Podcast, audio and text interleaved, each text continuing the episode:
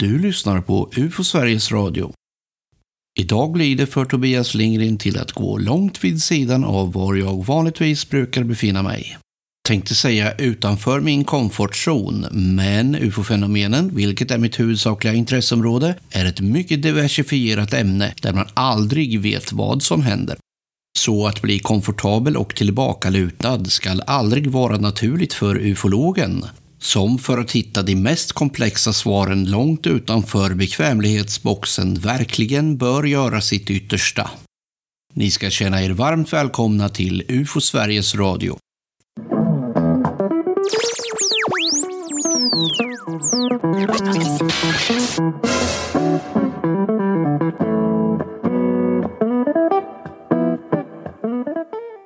Idag har jag bjudit in en helt ny gäst till UFO Sveriges Radio. Jag läser här att du är tekniklektor vid Tekniska högskolan i Jönköping. Men här är du av en helt annan anledning. Du ska känna dig varmt välkommen. Rainer Winkler. Tack så mycket. Hur kommer det sig att du har hamnat i UFO Sveriges Radio? Ja, tack. Alltså, frågan är ju, den ska ju du svara på, varför jag egentligen är här. Men jag, du ville att jag skulle prata om det som kallas för Bigfoot, men som jag egentligen kallar för Sasquatch. Och sen kopplingen, den får du dra lite grann, tänker jag. Ja, jag vet ju att det är många som är intresserade av UFO och sen vid sidan av också intresserade av närliggande ämnen. Mest då för att de är oförklarade i sin natur. Mm. Men kanske ändå då så ställer någon sig frågan hur det kommer sig att jag då har bjudit in dig till en UFO-podd. Finns det någon koppling mellan ämnena UFO och det som jag då kallar för Bigfoot.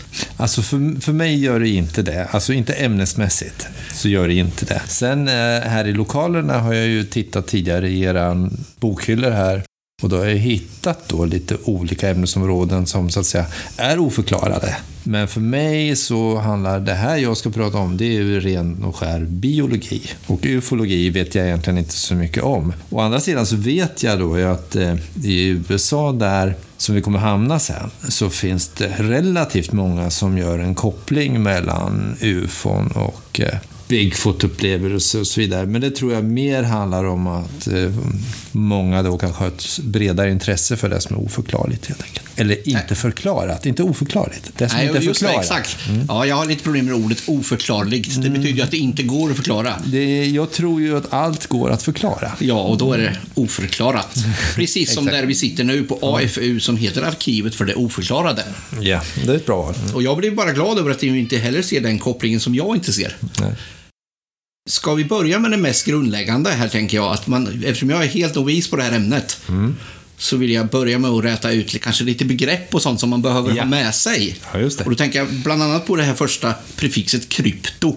Alltså, krypto betyder ju dold eh, och då finns det ett ämnesområde jag kallar mig själv inte kryptozoolog, men det finns de som är kryptozoologer. Det var just det jag tänkte på. Jag ja. vågar inte ställa den frågan. Nej. Och kommer in då på kryptobiologi. Men det handlar ju om djur som folk har anat. Det kan vara eh, som vetenskapsmän har anat, biologer har anat, eh, finns. Vissa kanske har anat att de finns därför att de kanske finns hos, i folkliga förklaringar. Eh, bara för några år sedan så upptäcktes en ny tapirart. Tapir är ett ganska stort djur och det utgick ju egentligen då från att eh, befolkningen i ett område i Amazonas kände till en tapir som de beskrev, men som inordnades då bland andra vanliga arter och som plötsligt då så lyckas man fånga den här på en, en åtelkamera och konstatera att oj, vi har en helt ny art. Och då blir det kryptiska, inte kryptiskt längre officiellt. Va? Men jag menar, de här folken som ser de här, om de vet om dem, då är de fortfarande inte officiellt beskrivna? Nej, de är inte officiellt beskrivna. Och det är Så det är som krävs? Exakt. Va? För, för då pratar vi om det som kallas för taxonomi, att eh, någonting ska ha ett vetenskapligt namn och så vidare. Och ska det vara officiellt erkänt så måste man ofta säga så här att då ska vi ha någon kropp eller kroppsdel eller någonting som går att verifiera. Däremot så finns det faktiskt vissa dinosauriearter som man har konstaterat som arter, trots att man inte har benfynd, men man har spår av dem. Så det är ju lite spännande. Och de är ändå ganska långt bort i tiden. Då är de långt tillbaka i tiden. Ja. Men sådana som det finns spår av som är nu, det är inte samma... Det är inte samma, men det, om man går till Australien, alltså pungvargen utrotades, försvann ju för ja, ska vi säga, 80-90 år sedan då. De sista fanns i Tasmanien eh, och sköts, jagades ganska brutalt då. Och det finns ju de som hävdar att de har sett pungvarg ganska nyligen och så vidare. Det finns filmklipp som är väldigt svåra att tolka, men där man kan ana att det kan se ut som en pungvarg, men det skulle kunna vara någonting annat. Alltså Så färska då? Absolut färska. Det Ja, finns ja. från i år faktiskt, filmklipp då, där någon hävdar att är inte detta en pungvarg? Men, men filmklippet är inte tillräckligt bra va? Men det ingår ju också i kryptozoologi. Loch Ness, Ja. Storsjöodjuret skulle ju också då möjligtvis ingå i det här med kryptozoologi då. Då kommer kryptid in. Ja, det är ju varelserna. Men jag tänker, det fa- det fanns någon film på, från en djurpark, kan det ha varit den här pungvargen man ser från 30-talet? Ja, just det. Som vaggar fram och Ja, tillbaka, alldeles för liten så är det ur. Ja, just det. Djur- Randig på ryggen och så vidare. Djurparkssjuka, mer eller mindre. Ja. Det här krypto, när tillkom det? Ja, för att om man, om, man, om man eh, går tillbaka till 1800-talet, 1900-talet, Mm. då, då hade man ju inte alls upptäckt och beskrivit alla de här djuren. Nej, alltså Arterna. okapin eh, upptäcks ju jättesent, alltså i Kongos djungler. Va? Eh, Bergsgorillorna konstateras ju också sent, väldigt sent då. Och så att vi upptäcker ju nya arter. Jag har träffat på skådare, eftersom jag själv också är fågelskådare, som har varit i Etiopien när jag själv har varit uppe i bergen och noterat svalor som inte finns beskrivna. Men de har inte lyckats få tillräckligt bra bilder, men de har goda observationer. Och det det säger tror- man då kryptosvalor? Nej, det gör man inte. Det gör man inte. Alltså, nej, men jag använder själv inte begreppet. Nej. Jag, så, kryptobiologi och kryptozoologi. Men om man ska in här och titta på en bokhylla, då hittar man ju oftast då Sasquatch, alltså Bigfoot, bland övriga kryptider. Ja. Och sen har vi ju en jättestor spännvidd då, tycker jag, mellan det som inte ett dugg märkligt, till exempel en tapir, till det som är ytterst osannolikt. Och det skulle vara någon slags Mothman eller vad det nu kan vara. Va? Något som biologiskt inte går ihop. Jag tänker, men när En den, varulv går ju till exempel övergången från, från att det var mycket oupptäckt till att det blir nästan allt upptäckt. Fast det är väldigt mycket som är oupptäckt. Men Eh, ändå vi kallar man det för att det är kryptiskt nu på något sätt. Ja, jo. Jag förstår, får inte ihop det riktigt. Nej, egentligen så är ju gränsdragningen så här, på något sätt så vetenskapen flyttar ju alltid fram sina positioner och så gör ju biologin också. Va? Och i haven så vet vi att det finns väldigt mycket som är outforskat. I Sverige hittar vi inte så många nya arter, men vi hittar nya insektsarter. Det har konstaterats. Och andra leddjur. Va? Ute i världen så hittar man vi lär ju inte hitta någon ny fågelart i, liksom i, i Europa. Eh, så, så väl har vi liksom dammsugit och vi lär inte hitta någon ny De oupptäckta blir mindre och Nej, mindre. Ja. Men däremot så gör vi nya upptäckter av att vi kanske splittar arter. Vi konstaterar liksom att aha, det där trodde vi var en och samma art, men det råkar vara två arter.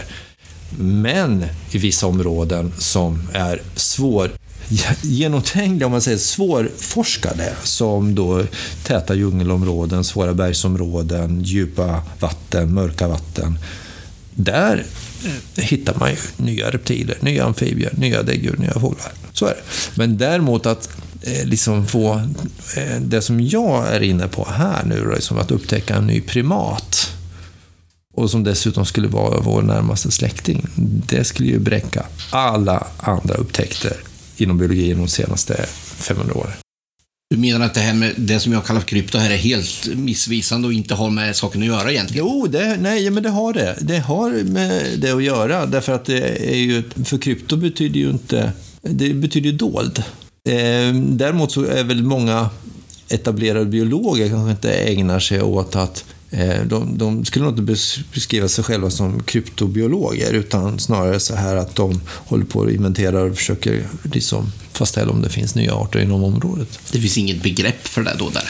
Nej, jag tror inte att det behövs. Nej, nej. nej, nej. Utan det är mest i den här mystikerbranschen som man kör med det. Exakt. Ja, ja.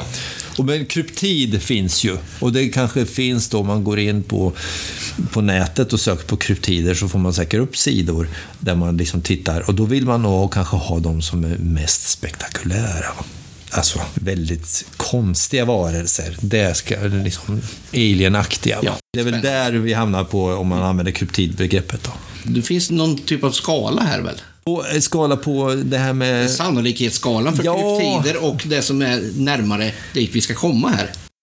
Det var en person som liksom pratade med mig och hörde att jag höll på med Sasquatch och så vidare. Och, då sa han så här att han var religiös och sa han så här att Ja, men då är det inte så stor skillnad mot eh, min eh, gudstro då, sa han. Och då, eftersom inte jag är religiös, så svarade jag så här att ja, skillnaden är väl att det jag tittar på lämnar spår efter sig och det gör inte dina änglar. Och där har vi ju då så att säga att när vi har mycket data, om data finns, då är det intressant. Data i form av fotavtryck eller hår eller om man hittar bon eller man hittar någonting annat sånt där. Va? Så länge vi inte har en kropp.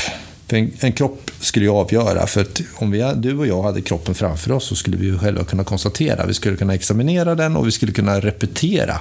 Så det handlar ju om repeterbarhet. Och då är ju spår, om spår är bra, om vi har långa spårserier och spår återkommer, då blir det intressant. Om spåren sen återkommer till exempel över tid, om vi så här, har en spårserie som är över 100 år och dessutom geografiskt på något sätt hänger ihop, då blir ju material, data, ganska, som man säger, robust. Eh, om den sen också kan hänga ihop med observationer man gör och sådana saker, så blir det ju väldigt intressant. Men om vi bara har observationer, folks berättelser, jag har sett någonting, men vi har inte mycket mer, då, då saknas ju den här liksom datafundamentet. Va? Och då tycker inte jag man kommer någonstans egentligen. Och då skulle vi kunna säga så här att, mm, jag kanske kan tycka så här att en observation om någon säger så här att jag såg det här och någon annan säger jag såg det här eller kanske en folkgrupp säger att de den här varelserna finns, men jag har inget mer. Så kan jag mer konstatera, intressant. Och sen blir frågan så här, är det möjligt? Och då skulle jag liksom titta på hur ser världen ut för övrigt? Och då tänker jag så här, är det möjligt att det finns en ny tapirart som inte är upptäckt? Ja, eftersom det finns tapirer och det finns flera tapirarter så skulle man säga, ja, det är kanske till och med ganska sannolikt att det finns en tapir som vi inte har beskrivit. Men däremot om jag då plötsligt får en observation av en dinosaurie, pterodaktyl, en flygödla, och säger det så här. Och sen har vi liksom ingenting, men vi har liksom folk som säger att de har sett det. Då har jag inte gå, så mycket att gå på, varken datamässigt, men teoretiskt så är det så här. Ah, det finns ju väldigt lite liksom, teoretiskt stöd för att det skulle kunna finnas en flygödla. För de, vi vet att de egentligen, de sista fossila fynden är ju 64 miljoner år gammal och sen slog det ner en stor meteor. Va? Och sen släcktes det ner och sen har vi inga liksom, flygödlor eller dinosaurier efter det. Och då skulle man ju säga så här, ytterst osannolikt. Om någon då dessutom skulle liksom hävda att det fanns någonting som, som jag inte får ihop, vare sig med biologin, men biologisk förklaring, en slags hybrid mellan insekt och människa, eh, då ska jag ju kalla det för bullshit, helt enkelt. Då. För att det, liksom, det finns ingenting annat. Då. Så där har vi skalan från det som är ytterst osannolikt till det som är sannolikhet, till det som är väldigt troligt, till det som är sant. Och egentligen så strävar vi efter att hitta det som är sant. Men då krävs det ju också fakta som alla liksom kan förhålla sig objektiva till. Då, först då vet vi att det är sant. Va? Och sån fakta finns mycket av. Nej, inte tillräckligt. Inte i mitt ämnesområde. Det finns så mycket som pekar på att vi har en obeskriven art. För vi har robusta data, men vi har inte det mest robusta som biologin kräver, och det är en kropp. Vi har inte ens en tand, inte ens en led från ett finger. Vi har hyggligt bra filmklipp och vi har foton och vi har jättebra spår och vi har bon och vi har... Men det räcker inte, därför att, som man säger så här, extraordinary claims demand extraordinary proofs. Alltså, ska vi, hävdar vi någonting som är utöver det vanliga, då måste vi också ha mycket mer på fötterna. Det är tyngre att hävda liksom Bigfoots existens än en tapirs existens. Nu säger du Bigfoot här, men egentligen vill du säga det Sasquatch. Ja. Uttalar jag det på rätt sätt? Ja, det gör det nog. Ja. Det finns lite varianter. Det gör det. Sasquatch, absolut. Eh, vad är skillnaden? Nej, alltså, eh, det finns många olika namn. Eh, Sasquatch kommer egentligen då från eh, ursprungsbefolkning i södra British Columbia. Olika stammar från Alaska ända ner då till Kalifornien kan vi säga då, men även i Mexiko. Då. Men om vi går till Kalifornien, har egna namn på den här varelsen som de beskriver inte som något andligt utan som någon, något jämförbart med oss själva, med människor eller med björnar eller med hjortar och så vidare. Det är liksom några som bor uppe i bergen i skogen. Och då finns det en massa olika namn. Varje stam har sitt namn. Och då fanns det en en, en, en som var lärare i Fraser eh, River, heter det då, i södra British Columbia som eh, jobbade med den här stammen och som plockade upp då deras berättelser. Det här är då 1910, 1920, 1928 så publicerade han då, Burns heter han. Då tar han deras namn och gör det lite mer engelskanpassat. Och då blir det Sasquatch.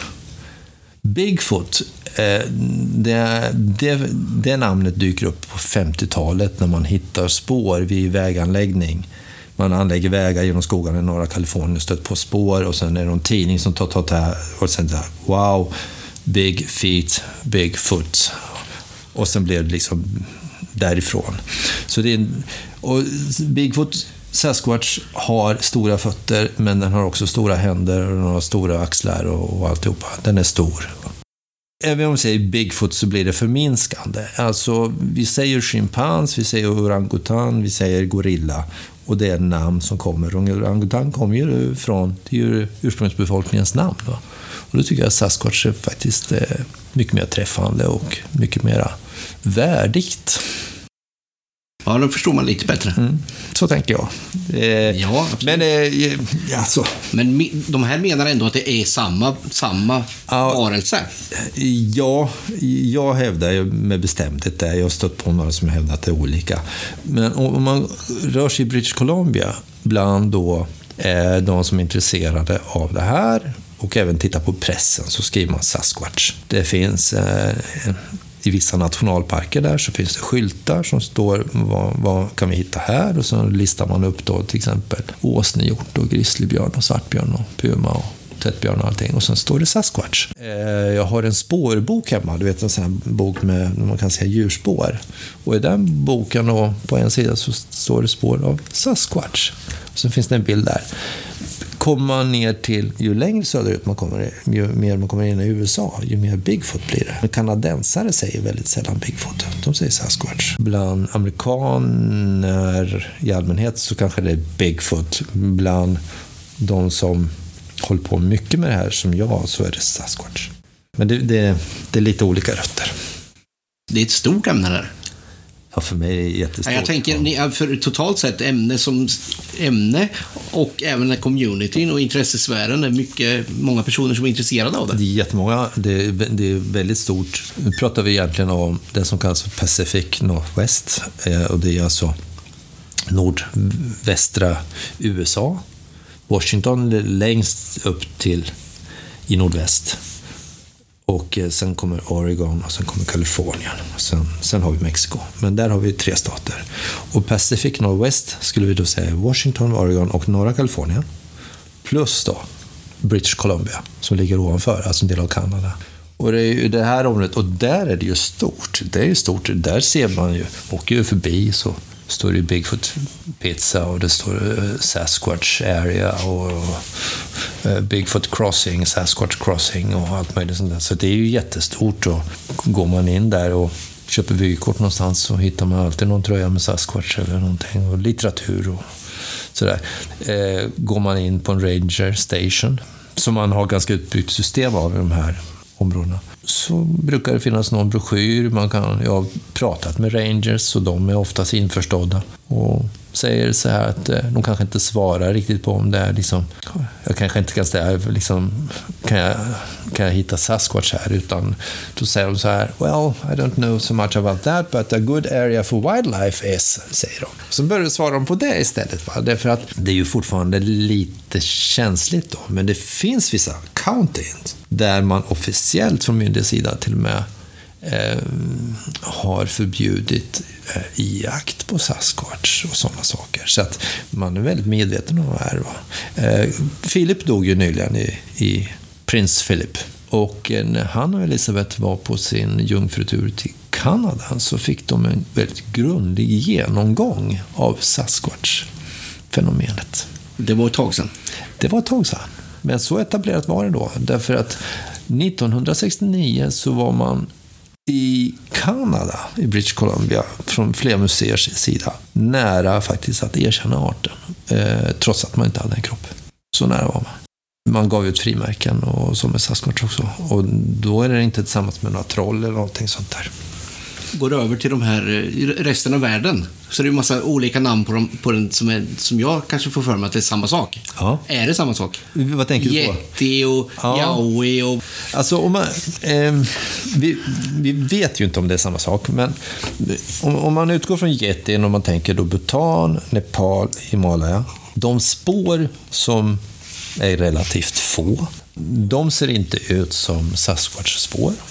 De är bredare, de har stor tån på ett helt annat ställe. Beskrivningar av både europeer och ursprungsbefolkning som har, säger sig ha sett getingar, men det är mycket färre observationer naturligtvis. Då. De ger en helt annan beskrivning. Att den har långa hörntänder och, och, och, och eh, beter sig mera som en apa. Så, men jag vet inte så egentligen, vi, vi har så lite data om getin. Däremot så finns det en nationalpark inrättad i Bhutan för getin. Den, är, den inrättades av en prins där för att man till varje pris ville skydda då djurlivet. Bhutan är lite speciellt faktiskt. Det är fem, Ja, 50, ja. 50 procent av Bhutans yta är skyddad natur. Ja, 50 procent. Jag har jobbat med Bhutan i... För, i jag har gjort flygkartor åt Oj, Bhutan, vad spännande. Ja. Ja. Men, eh, så att, men Bhutan är ju extremt svårforskat, så det är inte samma sak. Däremot i Kina finns något som heter Jeren. I ett område som heter Chenonjia, framförallt är känt väldigt bergigt skogsområde. Eh, det intressanta där är att den kinesiska vetenskapsmän lägger helt andra resurser på det här. Hanterar det som eh, en, obeskriven art. Kanske inte som en kryptid, utan som en obeskriven art. Och där har man fots, fotspår också. Och de fotspåren är identiska, ska jag säga, med Sasquatch. Så att om vi har någonting där så kanske vi... Hmm, vi har en art som är på båda sidorna av Stilla havet. Men det kan finnas en rimlig förklaring till det här.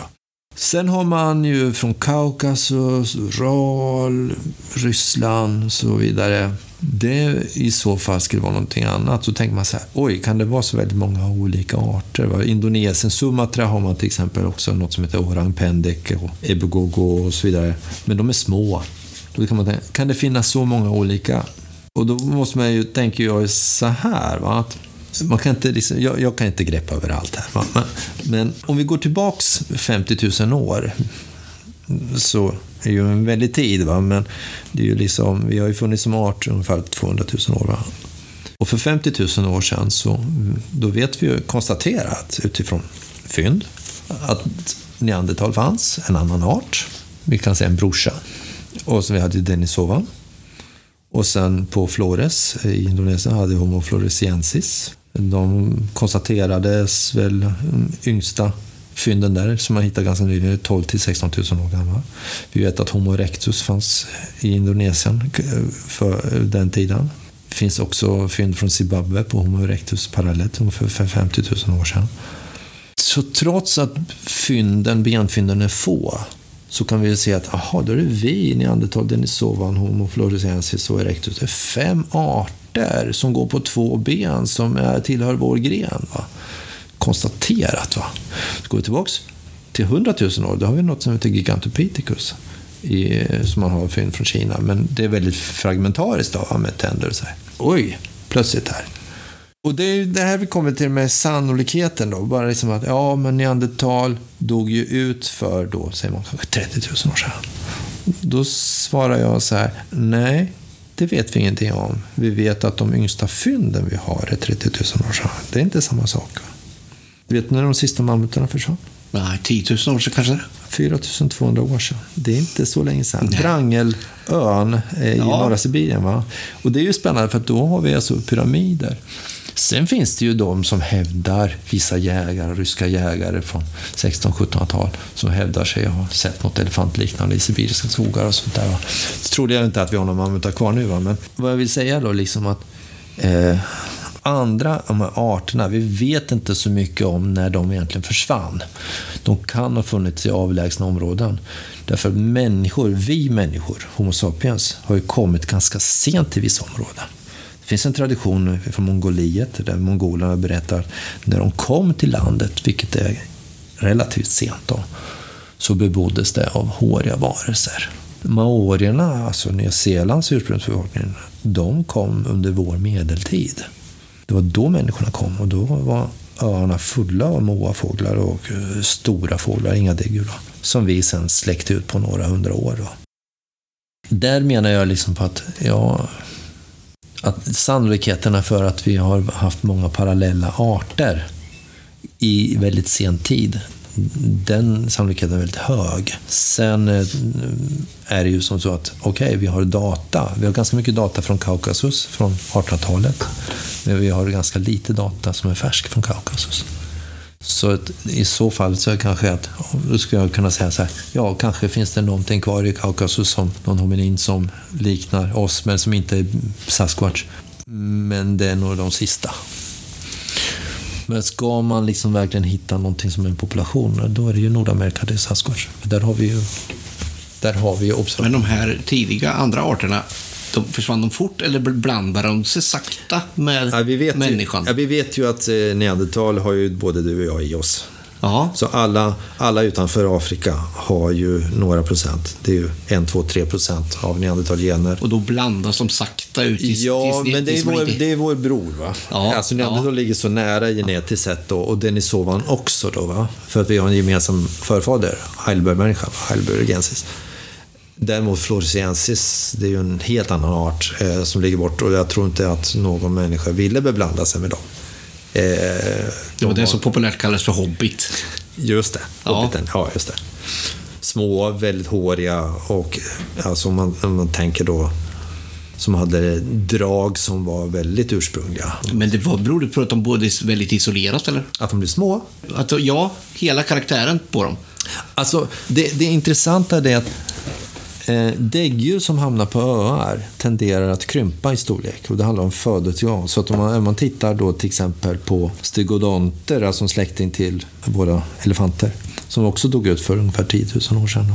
Så de fastlandsstegodonterna var mycket större än de ölevande. Så att ölevande däggdjur tenderar att minska i storlek. Eh, de stora, däremot rått råttor, de små, de tenderar att bli stora. Fåglar tenderar att bli stora. Men så att det där är nog helt eh, enkelt en anpassning efter födotillgång. Då.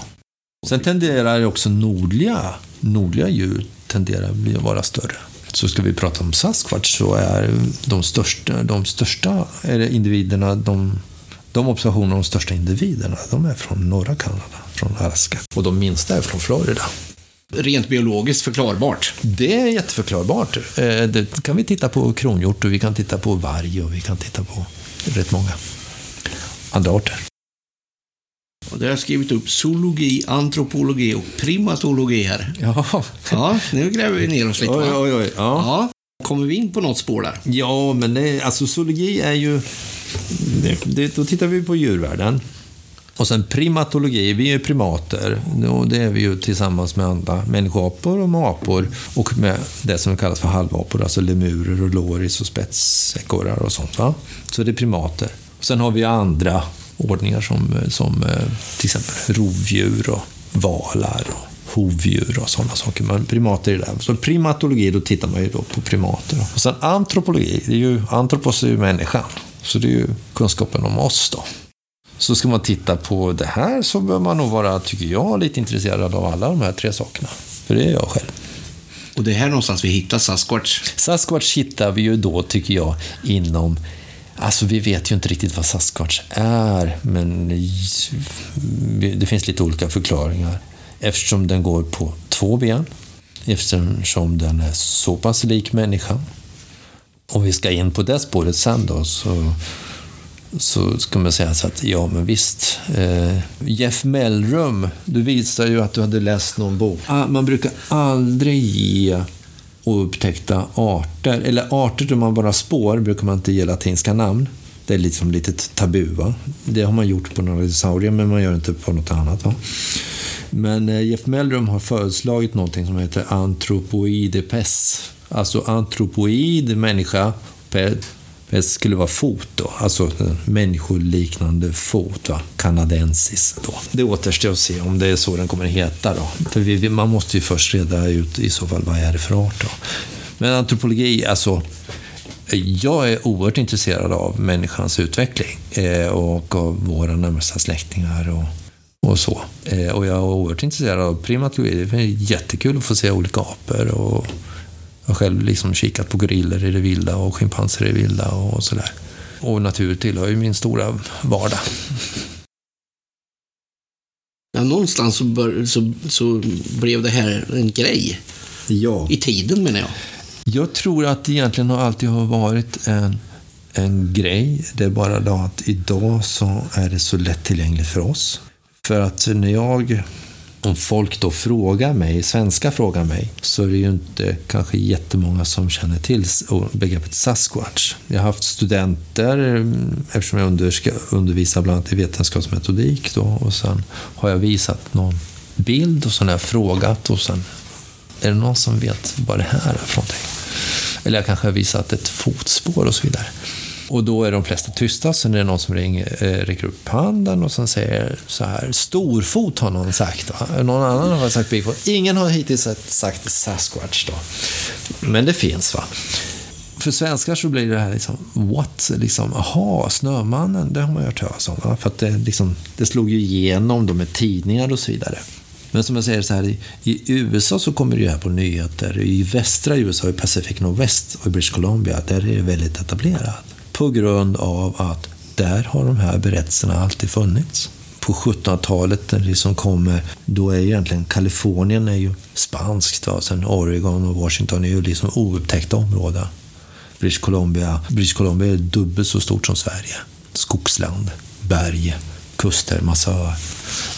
När européerna kom, de första som utforskade de här områdena var ju kanske då egentligen spanjorer och så. Eh, så finns en beskrivning från 1700-talet där en naturalist, alltså någon som inventerar och tittar på vad är det för djur och växter här, som var väldigt saklig. En spansk naturalist.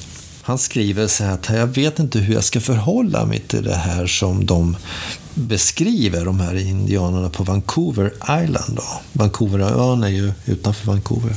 Eh, och där får han ju en beskrivning av en stor människoliknande, hårig, förskräcklig varelse som ursprungsbefolkningen är fullständigt livrädda för och som kommer att terrorisera dem på nätterna ibland och så vidare. Och han, han avfärdar ju inte det.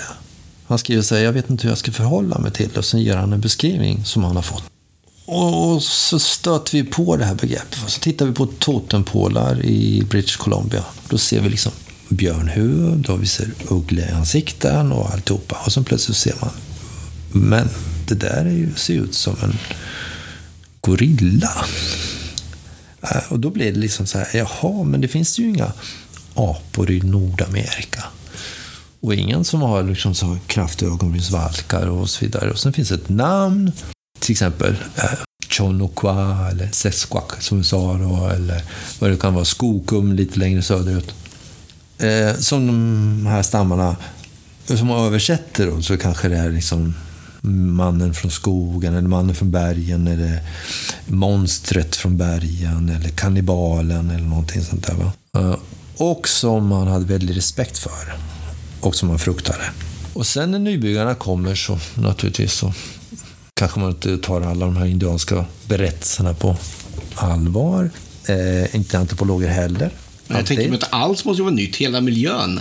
Det kanske är nya, ja, nya andra djur också som tar tid det är inte så stor skillnad va, mellan Europa och Nordamerika egentligen. Därför att man känner igen djuren. Va?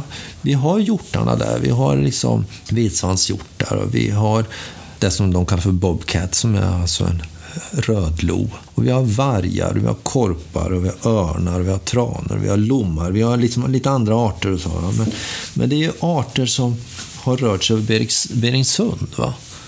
Så att eh, där har man något som heter Canadian Lynx, alltså kanadensiskt lodjur. Och vi har Eurasiet lodjur. Så att djurören är detsamma. Va? Och då är det egentligen så här, det finns ingenting som är särskilt märkligt egentligen i Nordamerika. Möjligtvis opossum då, eh, liksom pungråtta. Eh, för det har vi inte här. Va? Men i övrigt så liksom stämmer ju allting med biologin för övrigt. Då. Bisonoxar, vi har vicenter, vi har haft eh, stepp stepp Vicenter här också. Eh, så där. De hade mastodonter och, och så. Kameldjur fanns när Clovis-indianerna kom och så vidare. Va? Det fanns geparder, det finns gaffelantiloper. Men inte en stor, obeskriven, hårig, människoliknande apa. Det är den som sticker ut och då blir ju den, liksom, den blir förmärklig. Men tittar man i 1800-talstidningar så, så dyker det upp då Eh, jag hittade ganska nyligen en artikel från liksom Kalifornien där det står liksom så här Gorilla in the Mountains utanför San Francisco. 1870. Och då är det en som skriver in och skriver så här about a gorilla. Då skriver han så här att jag måste få säga en sak om den här gorillan som folk säger sig ha sett. Jag har sett, jag vet att den finns. Jag har sett två stycken samtidigt. Det är inte gorilla. Och sen ger han en väldigt detaljerad beskrivning av hur paff han har blivit. Och han säger det så att jag har sett dem och jag har stött på spåren åtminstone 20 gånger under min tid som jägare. Då har han ju jagat under, i de här bergen. Då. Och han konstaterar liksom att ja, det är någonting som är väldigt likt oss, men det är inte den gorilla. För gorillor började man skriva av i mitten på 1800-talet och tyckte att det var liksom väldigt fascinerande va, när vi började upptäcka Afrikas inre och så vidare. Låglandsgorillan och sådär. Så det finns då, och då ser man så här, jaha, då har vi berättelser från British Columbia, Washington, i stort sett alla städer. Vi har det från eh, Alabama, Louisiana, från Florida, överallt. Och så går vi då till eh, nordvästra USA kanske, Jersey, de områdena där uppe. Det var de stora indianska nationerna. De hade också en väldigt stark tradition av Eh, det som kallas för Stone Giants, alltså stora jättar. Som, men det verkar som om de försvann tidigare därifrån. Därför att tittar vi på när européerna kom till Nordamerika, då fanns det ungefär 10 miljoner indianer. Och den främsta, mest befolkning fanns det i, i öster, i de här skogarna. Det var de som fick ta smällen när européerna kom. Och sen har vi ju en Holocaust naturligtvis då. British Columbia, som jag sa dubbelt så stort då som eh, Sverige, hade 1850 en total befolkning på ungefär 55 000 invånare. Då alltså pratar jag om natives och nybyggare. 55 000. Det är ingenting av de här stora Det är många kvadratmeter ja, per person. Därför att det är svåra områden att leva i, därför skogarna är täta. Det Stilla havet pumpar på med vatten, regn. Så det blir vi pratar alltså egentligen om eh, regnskog här. Va? Eh, när jag själv har varit där, för jag ju, har ju åkt varje år, då, så kan man liksom konstatera att nässlorna är liksom över 1,50. Och Blåbärsriset är stort, allting. Alltså ormbunkar, fräkenväxter, träden är grova och så vidare. Det här var ju liksom fantastiska marker när man kom. Sen har vi ju liksom haft ett brutalt skogsbruk. Va? Men fortfarande så är det oerhört svårt. Man förlägger inte O-ringen kan jag säga till eh, de här områdena därför att det är jättesvårt att ta sig fram. Otroligt svårt att ta sig fram. Man ser ingenting. Det är jättelätt att gå vilse. Och det är oftast mycket stora fallna träd. Eh, och jag själv, eh, jag och en amerikansk... Det är orört alltså? Egentligen så är det 95 procent av alla skogar då från San Francisco, de vet de här stora redwoodskogarna, från, från San Francisco och sen norrut till Oregongränsen, det är 70 mil ungefär. 95 procent av de skogarna har man shoppat ner, de tog man ner. Va? Så det är liksom brutal förstörelse. Sen har den ersatts, men, men i och med att liksom vi har en regnskog här så är det ju goda växtförhållanden. Så att skogsbruket är enormt stort i Oregon och Washington och British Columbia. Skogsbruk förstör biologisk mångfald Eh, naturligtvis. Att mångfalden försvann ju. De här tusenåriga träden har ju så mycket. Men vad som händer då, det är väl ungefär samma. att Vi kan ju se att det är många andra arter som gynnas. Och det är till exempel hyggen, då är det väldigt mycket bär, vi får väldigt mycket hjortar och så vidare. Så vi ser att klövviltet har ökat i Sverige oerhört mycket med, med jordbruket. Eller skogsbruket. Och det är samma sak i USA. Då. Så då skulle man ju liksom kunna säga, men det finns goda förutsättningar för stora däggdjur att leva där. Men det är jättesvårt att utforska, för det här är oftast, även om det finns skogsvägar anlagda för skogsindustrin, då, så är det få som går långt in i skogarna. Men de här borde då ha blivit tillbakaträngda till de, där det är kvar skog. Ja, och då, då ska man ju säga så här, kärnområdet skulle jag ju då säga, det, det är ju södra British Columbia, men även då längs hela kusten. Så länge liksom, det är två saker som djur kräver. Det är mat och det är säkerhet. Och, och eh, eftersom vi inte är så hälsosamma för andra arter eh, så kan man ju tänka sig att de, de svår, mest svårtillgängliga områdena är det som är slags refuger. Va? Och då är British Columbia fortfarande jättesvårt. Varför har vi inte upptäckt de här då? Och då skulle det vara så här, dels de lever alltså i mycket svårtillgängliga områden. De är sällsynta, men inte, inte utrotningshotade, men de är sällsynta. De är eh, extremt skygga och de är uppenbarligen intelligenta, vilket krävs. Det krävs någon form av strategisk intelligens för att undvika upptäckt. Vilket egentligen inte är så svårt om du, om du, liksom, om du vet, om du går i en svensk skog och sen hör du en bil, du hör ju bilen på långt håll. Du kan ju lätt förflytta dig. Är du dessutom snabbare än de som sitter i bilen så kommer du alltså kunna lätt utmanövrera. Och det är egentligen så man skulle kunna tänka. Så skulle det finnas så här, vad, är det för vad krävs av en art för att den ska förbli oupptäckt i Nordamerika? Och då är de här, det vill säga svårtillgängliga områden, nattaktiv, sällsynt, strategiskt intelligent och skygg. Där har vi ingredienserna. För annars skulle det inte överlevt. Hade det inte varit skygg, hade det inte varit intelligent, då hade vi ju antagligen sopat bort den. Va? Hade den varit för lik oss, som neandertalarna var, då hade vi konkurrerat på samma villkor. Då hade vi sopat bort dem också. De här har en annan nisch. De, deras nisch är mycket mer som svartbjörnars nisch. Det vill säga allätare och inte alls liksom beroende av... Vi, vi pratar ju inte om liksom några verktygstillverkare här eller någonting sånt. Någonting som kanske är mittemellan oss och eh, människoaporna. Det är min bild av det. Men hur har den här bilden ändrats då från slutet på 1800-talet? Ja, då var det ju liksom Bland, bland ursprungsbefolkningen så var det ju så att säga, alltså människan var en del av naturen, från de flesta indianstammarna naturligtvis. Och djuren var en del av naturen och Sasquatch var en del av naturen. Sen när de vita kom här så blir det liksom så här, aha, wild man in the woods. Liksom där, det måste vara någon liksom vilde, någon vildman. Linné beskrev ju faktiskt att det fanns någon slags vildman i sina första beskrivningar också. Då, någon arter. Sen kommer ju en slags gorillaförklaringar, och sen, men man får liksom inte ihop det. va. Men det där är liksom mer att det poppar upp artiklar under hela 1800-talet, början på 1900-talet och, och enstaka berättelser. Sen kommer ju det här med Bigfoot då, på 50-talet. Sen drar igång jättemycket på 60-talet. Både Kanada och Pacific Northwest. Då. Och där blir det, alltså de som sysslar med det då, de menar på så här, de pratar om ape heter North American Ape. Och ape är alltså människoapa. Idag så finns det så många som skruvar åt, åt det ena och det andra hållet och en del kallar dem liksom för humans, tribe, alltså stam och människor och några pratar om någonting annat och så vidare. För mig så spelar det inte så stor roll, va? men jag liksom kan ju konstatera så här, de har inte verktyg, alltså i den bemärkelsen att de bearbetar verktyg. De har inte eld. De verkar ju alltså ha mera en nivå som våra förfäder hade kanske för 3,5 miljoner år sedan. Vår split från schimpanserna är 6,5 miljoner år sedan ungefär. Så du kanske pratar om en split som skedde för 3,5 miljoner år sedan. Så det är ju ändå mycket, mycket närmare. De människolika dragen ligger ju antagligen i att de troligtvis väsentligt mer intelligenta än gorillor och schimpanser. Det bör de vara. Och att de också går på två ben. Men sen verkar de så ha lite andra proportioner. De har liksom en annan robusthet över sin kropp. De heter ju liksom Bigfoot. Va? Ja. Med de orden, Bigfoot, som cliffhanger tackar jag Rainer Winkler för nu. Men var inte oroliga, vi låter Rainer fortsätta sitt mycket spännande ämne i ett snart kommande avsnitt av UFO Sveriges Radio. Kanske tänker just du att vi missade någon koppling till UFO-fenomenet? Missa då inte fortsättningen. Kontakt med UFO Sverige sker enkelt med ett mejl till info.ufo.se där ni kan säga om ni gillar när vi går utanför kärnämnet för podden. UFO Sverige har en webbplats som heter ufo.se.